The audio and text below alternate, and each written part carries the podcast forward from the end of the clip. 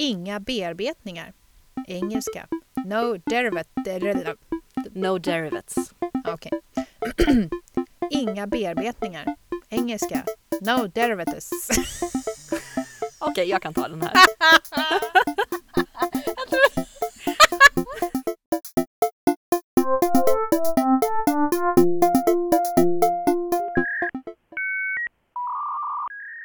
Men det här är i alla fall IKT-podden med Anna F Söderström. Och Linnea Björk-Tim. Vi brukar ju prata lite i början av varje podd om ljudjobbet. Ja. Och det har ju blivit bättre men, men vi är långt ifrån fulländade. Ja. Mm. Vi har hittat en metod som verkar funka good enough. Ja, vi spelar in med... eh, Vi stänger av med jämna mellanrum i Audacity så att vi får hanterbara klipp. Försöker ta om sånt som är totalt irrelevant. Och sen sitter vi verkligen mitt emot varandra nu så att våra mikrofoner inte tar upp för mycket av det ljud som är som den inte ska ta upp. Så lite som möjligt av den andra personens ljud för att minska risken för att om det blir osynk mellan ljudspåren så får vi inte så mycket eko. Mm. Vi tänkte prata om Creative Commons och immaterialrättsaktivism i dagens program. Ja, jag tycker Säger man program? Avsnitt? I dagens avsnitt. Ja, det stämmer. Vi, vi eh, har fått önskemål faktiskt om att prata om det. Och eh, i höst så kommer eh, Creative Commons vara ytterligare en eh, grej vi ska ta upp i olika kurser. Så då tänkte vi att vi gör en podd om det. En av de första wow-upplevelserna som jag fick av att jobba med Linnea det var när Linnea introducerade mig till någonting som heter Creative Commons. Jag har gått en utbildning inom grafisk design. Har läst immaterialrätt med väldigt mycket vad man inte får göra och hur man kan tolka upphovsrättslagen och immaterialrätt. Det är väldigt, väldigt grötigt och väldigt, väldigt snårigt. Särskilt när man ska jobba med eh, bild, ljud, video, alltså med multimodalt innehåll. Så när du introducerade att Creative Commons fanns så blev det så här Wow! Va- Var har den här licensen funnits hela mitt liv? För att jag kände inte alls till det. På internet. Precis. Eh, vi har ju dels möter vi ju studenter som använder bilder som eh, man generellt har en uppfattning om att man får använda för att man har hittat den på Google och det står att det är okej. Mm, det behöver det inte ens göra. Nej, men det, nej, nej, nej. Men man har... Och det är inte bara studenter, det här är människor över, överhuvudtaget. Som För vi finns på det på nätet så får man använda det en och lite av en föreställning hos ganska många. Mm. Ligger den ute på nätet så är det liksom bara att plocka den. Men det är ju lite av den anledningen, jag tror jag sagt det i en tidigare podd också, som LiU har valt att sluta in till exempel kursmaterial mer i ett slutet forum. För de får några stycken räkningar varje år för att studenter har använt bildmaterial de inte får använda i arbeten som ligger publikt på LiU-webben. Mm. Då är det LiU som får pynta. ja, anställda har också använt bilder som Ja. de har hittat på nätet. Och hittar fotografen dig så blir det dyrt för Ja. den som har återpublicerat materialet. Så det är inte studenten i sig som blir skyldig för att de har lagt in det i en, ett arbete till exempel, utan den som sedan publicerar arbetet. Jag brukar säga att det är lättare att lära sig vad man får göra när det gäller upphovsrätt med hjälp av Creative Commons än vad man får och inte får och undantag göra enligt de ganska strikta copyrightlagarna när det gäller just immaterial, eh, immaterialrätt. Jag brukar förenkla upphovsrätten väldigt mycket när jag förklarar hur den fungerar. Det vill säga det grundläggande att en upphovsperson har alla rättigheter till sitt verk i 70 år efter sin död. Och att den omfattar allt som uppnår verkshöjd. Och verkshöjd i sig borde nästan få en egen podd för det är ingen som riktigt vet vad verkshöjd är för någonting. Man bara accepterar att ordet finns. Ja, det är ju det här... Eh, och särskilt är det här eh, remix och collage och eh, samplingssamhället som vi lever i när det gäller vår populärkultur. Både musik, video, film, Eh, Youtube består ju jättemycket av remixer av redan egentligen upphovsrättsskyddat material men det flödar ju i kanalerna oavsett. Och covers och var faller fanfics in? När blir det ett in inkräktande på den ursprungsbokförfattarens upphovsrätt? När är det bara att ta inspiration? Var går gränsen? Det är jättesvårt. Är 50 shades egentligen ett upphovsrättsbrott mot Twilight? Nej, men det, det, jag, det vi brukar då jobba med är att eh, bemöta den ibland lite sådär uppgivna minen man får när man ska försöka förklara upphovsrätt när det gäller just bilder. Eftersom vi, vi uppmanar ju folk att använda mer visuellt material för olika eh, kursuppgifter, presentationer och så vidare. Men om det då inte finns något material att använda på ett bra sätt så är det lite sådär, nej men då struntar vi i det. Då, då, då blir det inga bilder. Men hehe, den gubben går inte. Det finns ju massor material. Ja, för vi, vi, vi som kollektiv, vi som, och med vi menar jag alla som använder internet, alltså, producerar och postar extremt mycket material. Men så länge vi inte uppger någonting annat och nu, nu går vi inte in på allt det här med, med Facebooks upphovsrättsregler och Instagram och så vidare för egentligen är det väl de som äger bilderna eller? Nej. Nej. Du kan i Sverige aldrig ge bort din ideella upphovsrätt. Bra. Däremot kan du ge bort delar av den ekonomiska eller hela den ekonomiska upphovsrätten. Och då kan det vara bra att definiera vad är den ideella upphovsrätten, vad är den ekonomiska upphovsrätten. Och den ideella upphovsrätten är din rätt att bli erkänd som upphovsperson till det här verket. Det vill säga att någon säger någonstans där du har skapat det här materialet, den här personen skapade det här materialet. Den ekonomiska upphovsrätten styr allting annat i princip. Det vill säga, hur får det användas exklusivt? Får fler användare? I vilken utsträckning? För vilken ersättning? Och så vidare. Så den biten kan man sälja eller ge bort. Och det är delar av den som till exempel Facebook och Instagram ber om för att kunna visa ditt material för andra personer som du är vän med. Ja, för att om inte jag anger någonting överhuvudtaget, om jag publicerar någonting som anses ha verkshöjd, säg om det är en bild, så är det ju de, de alltså det är upphovs, det är det här C, copyright, som gäller tills jag säger någonting annat, eller hur? Ja. Upphovsrätten gäller på allting som uppnår verkshöjd automatiskt. Mm, om man inte anger någonting annat. Precis. Mm. Så det till exempel om man laddar upp en film på Youtube så är defaultinställningen att det är copyright.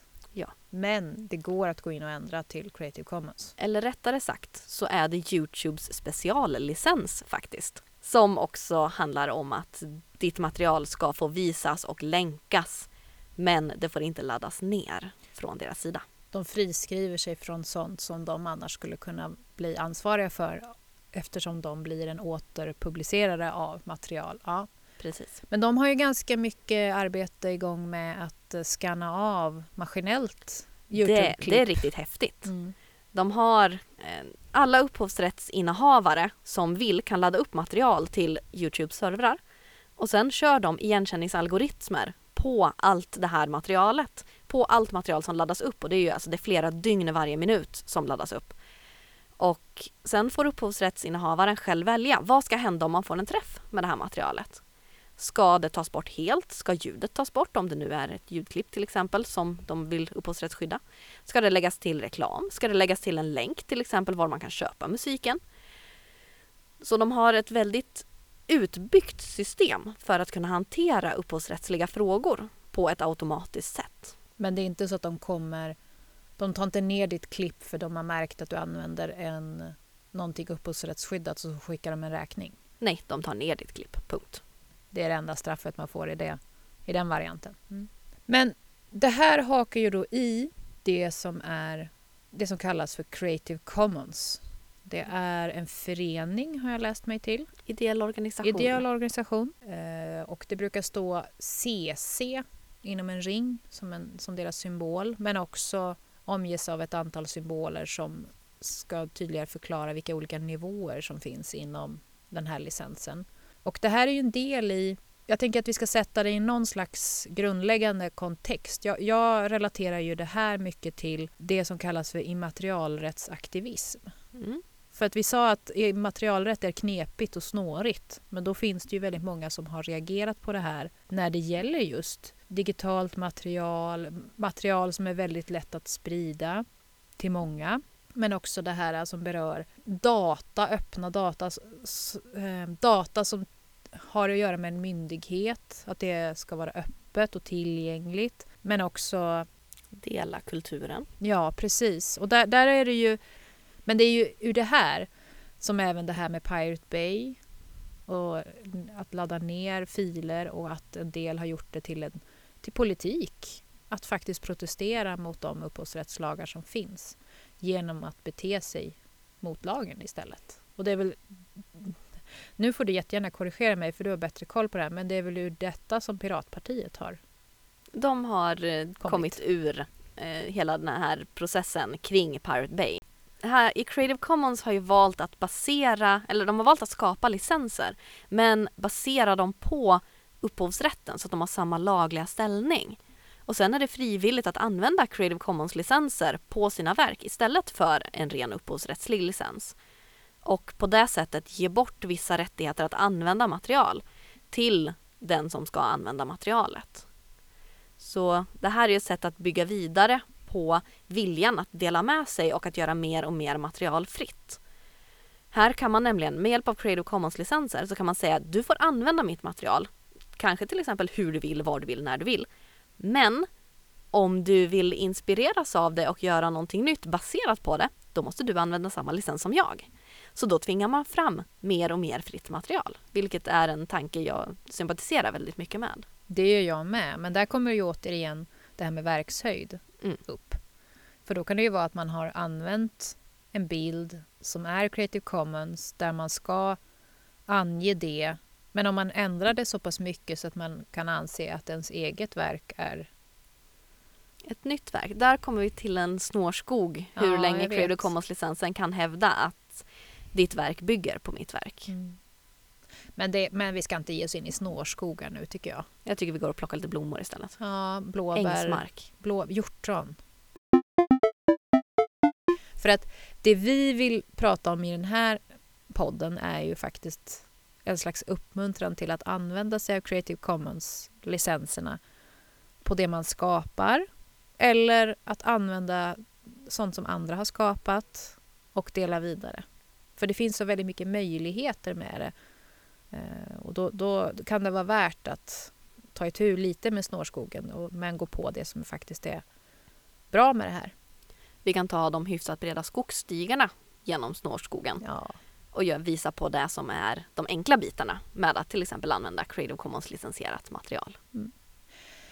Men om man ska, alltså för mig, det här ska jag erkänna, det har tagit mig ganska lång tid att fatta. Eftersom först så tänkte jag Creative Commons, ja fine. Men sen är det ju massa subnivåer, att det finns liksom om, om man tänker att det är, ett material är antingen totalfritt eller totallåst. Det vill säga ingen får använda det, knappt se det överhuvudtaget. Eh, och sen är det så många grader mellan. Mm. Medan Creative Commons är i grunden väldigt generöst mer eller mindre. Mm. Alltså grunden är ju generöst. Men att det finns möjligheter för den som vill då ge, ge upp sin, eller ge bort sin ekonomiska rätt att ja, du får, men jag vill inte att du trycker t-shirts med min bild på. Till exempel, om man då, då kan man ju hävda att, och säljer dem, kanske man ska säga. Um, att man då säger att ja, men du får använda mitt verk, men du får inte göra någon kommersiell vinning på det.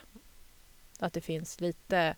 Och de, och de där grejerna, när jag skulle börja använda material så var jag så livrädd för att jag... Eller inte livrädd var väl att ta i, men jag var så rädd för att jag skulle göra fel. Att jag, skulle in, alltså att jag på något sätt inte hade riktigt fattat vilket sammanhang jag fick använda det i och att jag då skulle råka använda en bild nästan rätt.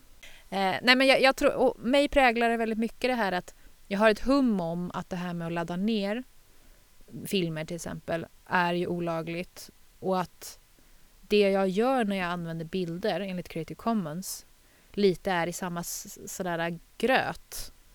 Vilket gör att när jag då hör om någon som har laddat ner en film och ska betala böter på flera miljoner till de som har gjort det så blir jag lite sådär, men tänk om jag råkar göra samma sak bara i ren okunskap över bilder. Förstår du vad det är ute efter? Att jag, jag lite... förstår vad du är ute efter. Eh, för mig är ju, jag kan inte säga när jag lärde mig om Creative Commons för jag minns inte. Så för mig är ju de här symbolerna som Creative Commons använder för att illustrera sina verk så givna att jag inte riktigt tänker på att de kanske är komplicerande eller bara förvirrande, kanske för någon som inte känner till dem sedan innan. Creative Commons har ju sex olika licenser och de innehåller fyra olika villkor som är kombinerade på olika sätt. Ja men det är, det är där, redan där. Sex stycken, fyra. Tänk om jag råkar göra fel då? Men titta på symbolerna. Ja men ändå. Ja, jag, jag har jag, inget bättre svar. Nej men, men jag tror att det är att det är så många olika nivåer som gör att man tänker att om man råkar lägga sig på en nivå fel så kommer böter. Alltså att det blir lite att det är, det är sånt allvarligt fel. Men jag har börjat lära mig att det är ju sprunget ur en generös kultur som man är ganska generös med ifall folk råkar göra fel också. Ja, och är du orolig, undvik icke-kommersiell klausulen. Det är det absolut enklaste och det är den som kanske är mest snårig för att vara ganska okomplicerad. Det vill säga, du får nämligen inte använda till exempel en bild som har icke-kommersiell som villkor på en företagsblogg. För även om du inte tjänar pengar direkt på bloggen så är det ett företag som driver den och det finns ett kommersiellt syfte med att det här företaget har en blogg. Så detsamma gäller egentligen för oss som universitet. Där är det en gråzon om vi verkligen får använda material som har klausulen icke-kommersiell. I och med att vi ju inte är helt statligt finansierade. Vi är inte helt och hållet ideella. Vi drivs av en del externa medel och har alla möjliga intressenter som är inblandade i verksamheten. Ja, men särskilt tänker jag om man använder bilder i en forskningsgrupp som mm. definitivt har medel både externt och internt. Precis. Då kan det ju vara i deras kommunikationsmaterial så kan det ju då vara bra att vara noga med non-commercial. Men till exempel om du i någon av dina hundklubbar vill använda, är det, är det kommersiellt? Nej, det är en ideell verksamhet. Eller det beror ju, nu beror det också på vilken nivå du pratar om. Um, Mycket nivåer! Ja, men då pratar jag om nivåer på föreningar. Det ja, finns ju ekonomiska föreningar ja, ja, som sant. då är vinstdrivande. Men ideella organisationer kan använda material som har klausulen icke-kommersiellt. För det är inte en kommersiell verksamhet. Men jag tror att vi också ska kanske nämna Richard Stallman. Ja. För det här är ju inget... Visserligen så var det nytt för mig när jag började här för sex år sedan men det här grundar sig ju också i en, eh, den här immaterialrättsaktivismen som satte igång på 80-talet. Ja, någonstans en bra bit tillbaka. Och eh, det finns en symbol för det här som är en, är en gnu. Det är en gnu. Djuret gnu kanske man ska tillägga. För det står för, vad står gnu för? Men jag har för mig att det är GNU is not Unix. För det är i början, alltså i grunden, så GNU är ett operativsystem. Nu ska jag säga rätt. Ja, GNU är ett operativsystem och Linux är en kärna till det operativsystemet. Mm. Så ja, det är rätt. GNU is not Unix. GNU är inte Unix. Ja. Ja, precis. Det är GNU som är operativsystemet som är helt och hållet fritt. Men det hade ingen kärna så det gick inte att köra på ja, några datorer alls. Och då kom Linus Torvalds och skapade Linux som en kärna till det här GNU.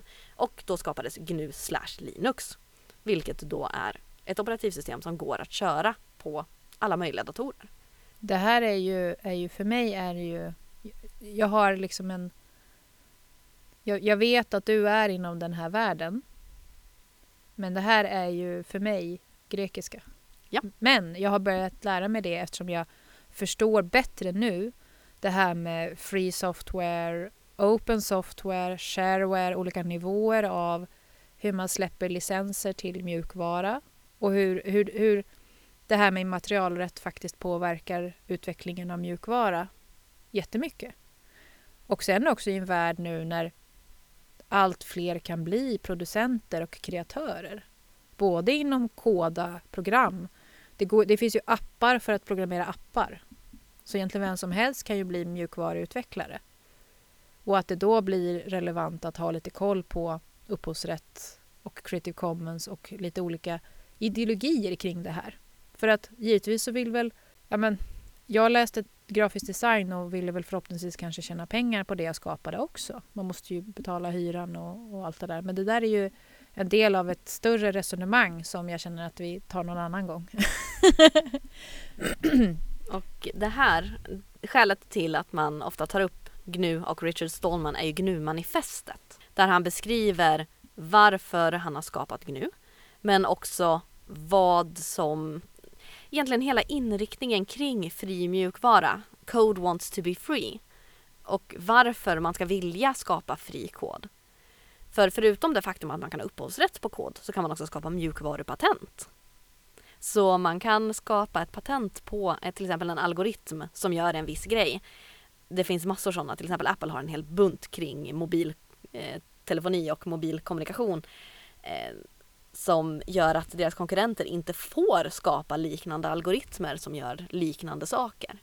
Ja, men det har ju försenat utvecklingen av vissa programvaror. En hel del. Mm. Men tillbaks till Creative Commons. Ja.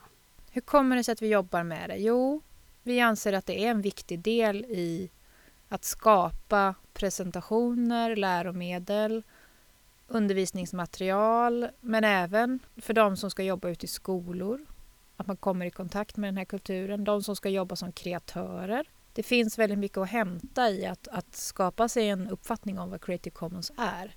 För att ibland kan det ju vara så att man känner att fast jag är ingen fotograf eller jag är ingen illustratör men jag vill ändå bildsätta eller understryka det jag har gjort med lite ljud eller musik. Och det är alltid bra att veta och känna till hur olika kulturer på internet fungerar. Och det här är ju ett slags community, alltså det blir ju det att har man börjat dela med sig, eller snarare så här, har man börjat med att ta del av andras material så är ju steget till att faktiskt bidra inte så långt. Och det är ju själva grejen med, det skulle inte funka ifall det inte var någon som faktiskt kunde tänka sig att dela med sig. Mm. Jag tror att jag var inne på det i en annan podd också, det här att det blir också en kedja av personer som delar med sig. Jag kan inte spela musik. Men jag kan få ta del av häftig musik. Däremot så kan jag dela med mig av bilder jag tar eller så kan jag redigera på Wikipedia om ämnen jag kan. Så det blir liksom ett utbyte av tjänster mellan personer utan att det är någon ekonomi inblandad. Jag tänker att det är ett ekosystem. Mm. Att det är liksom lite som vattnet cirkulerar genom molnen ner i vattnet, alltså grundvattnet. Alltså att ja att det behöver inte vara att vi, du och jag byter saker utan det kan vara att jag ger till någon som ger till någon som ger till någon som kommer dig till del på något annat sätt. Precis. Vi, vi pratar ju Creative Commons så ofta så att ibland känner jag att vi eh, kanske är lite mekaniska i det vi babblar ur oss. Men jag, jag tycker att man lär sig mycket av att sätta det i verklig, alltså sätta det i sin egen kontext. Mm. Och när jag jobbar med kreativa människor, alltså formgivare, slöjd, eh, pedagoger, så försöker jag bygga in i en uppgift att de ska leta reda på Creative Commons licensierat material för en uppgift. Att, att de måste utsätta sig för att försöka. För att i sån här situation så är det ju inte hela världen om man råkar göra lite fel. För att det, det publiceras i en sluten lärplattform. Och där har ju vi som universitet eh, möjlighet att, att publicera även sånt som är copyrightskyddat. I alla fall när det gäller bilder. Eh, film och ljud och video, alltså hela den biten är lite mera snårigt igen. Men bilder är ju... Och sen, men sen är det ju eh, det här att få in ett... Alltså att ta del av en bild och använda en bild. Det är en del av det. Men sen är det ju här att kanske ha det som en grund och göra någonting annat som bygger på det verket eller skapa någonting helt nytt för man kanske tycker att men det fanns ju inga bilder om det här som jag kan. Och kanske istället för att låta bilden man har gjort eller tagit bara stanna i en powerpoint så kanske den också kan få vara illustration till en artikel om samma ämne på Wikipedia eller åtminstone att man distribuerar det till... För man vet ju aldrig vem, som, vem mer som kanske kan vara intresserad. Och då är det ju kul att bara slänga ut sina specialkunskaper ute i communityn och se vem som nappar. Vi är ju lite, lite fokuserade på det här med det livslånga lärandet. Att studenterna helst inte ska lära enbart för en tenta eller för en uppgift utan att de ska gärna ska kunna ta med sig de här kunskaperna sätta dem i en kontext, göra dem intressanta för fler än bara för dem själva. För Det är ganska tråkigt att skapa material bara för läraren och för en själv men om man då kan lyfta det ur klassrummet och kanske lyfta det till Wikipedia eller till någon bildsajt eller någonting där man kan dela med sig och visa det här kan jag göra. Det här, den här informationen har jag till vad säger man, tillgodogjort mig. Ja. Men, men sen tänker jag också där att man brukar, man brukar lite raljerande säga att, att vi lever i ett, en like-ekonomi. Alltså det här att åh, det är så kul att få likes på en bild. Ja, det är kul. Men det är ännu roligare att se att folk använder ens bild i ett sammanhang som har med kunskap att göra eller att någon kanske till och med inspirerats och man får se resultatet av det. Det tycker jag är, är fantastiskt utvecklande för mig som kanske inte riktigt hade tänkt de banorna innan jag satte det i händerna indirekt på någon annan. Och det, det är ju liksom en global rörelse. Nu har vi pratat mycket om själva ideologin bakom och du Linnea har ju varit inne lite på vad det är och vad det innebär. Vi pratar en hel del om ett par symboler som finns och de är mm. ju väldigt svåra att kommunicera ut i podcast. Och ändå inte, för det är väldigt tydliga symboler. Ja. Den första symbolen är antingen en liten figur som står rakt upp och ner i den här cirkeln. Eller så står det by, by kolon. Det villkoret säger att du har rätt till erkännande för ditt verk.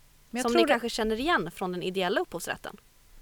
För det här villkoret stipulerar helt enkelt att du har rätt till erkännande för ditt verk. Jag tänker att det är ordet erkännande som inte är tillräckligt etablerat. Det kan det mycket väl vara. Det är ju, alltså, vi är ju inte vana vid att erkänna upphovspersoner i något sammanhang. Nej. Vi gör det ju inte på upphovsrättsskyddade bilder heller. Nej, precis. Men det är samma sak som att få en byline på mm. en bild på, i en tidning till exempel. Du, den som använder verket ska tala om att det är du som har gjort det. Mm. På östgötsk-svenska. Precis. Jag kan, jag kan läsa till från Statens skolverk. Ja. På östgötsk stockholmska. Villkoren för licenserna. Creative Commons-licenserna bygger på fyra licensvillkor. 1. Erkännande. På engelska säger man även attribution och förkortas BY, by. Detta innebär du måste ange upphovsperson, verkets titel och den licens som gäller för det. Detta villkor finns med i alla licenser inom Creative Commons. Det här är en person som står, en silhuett, som är omgiven av en ring. Så ser den symbolen ut. Vi kommer posta bilder på de här symbolerna i vår blogg och på Soundcloud ihop med podden. Ska du ta nästa? Eller ska jag läsa alla? Inga bearbetningar. Engelska No Derivatives förkortas ND. Verket får inte bearbetas på något sätt. Det får bara kopieras och spridas. Och den här symbolen är ett lika med tecken i en cirkel. Den är nog den jag tycker är enklast. Den är väldigt tydligt grafisk.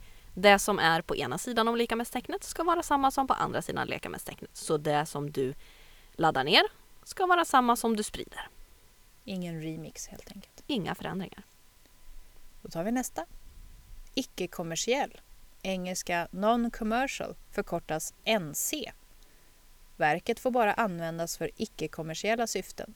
Det får därför inte säljas eller användas i kommersiella sammanhang. Den här symbolen är ett dollartecken i en cirkel som är överstruket. En förbudsskylt med ett dollartecken på. Och så tar vi den sista. Dela lika. Engelska share alike förkortas SA. Om man bearbetar verket får allt nytt material som skapas genom bearbetning bara spridas under samma villkor som det ursprungliga verket. Och den här symbolen är en pil som går i en cirkel nästan hela vägen tillbaka och den är omsluten av en cirkel.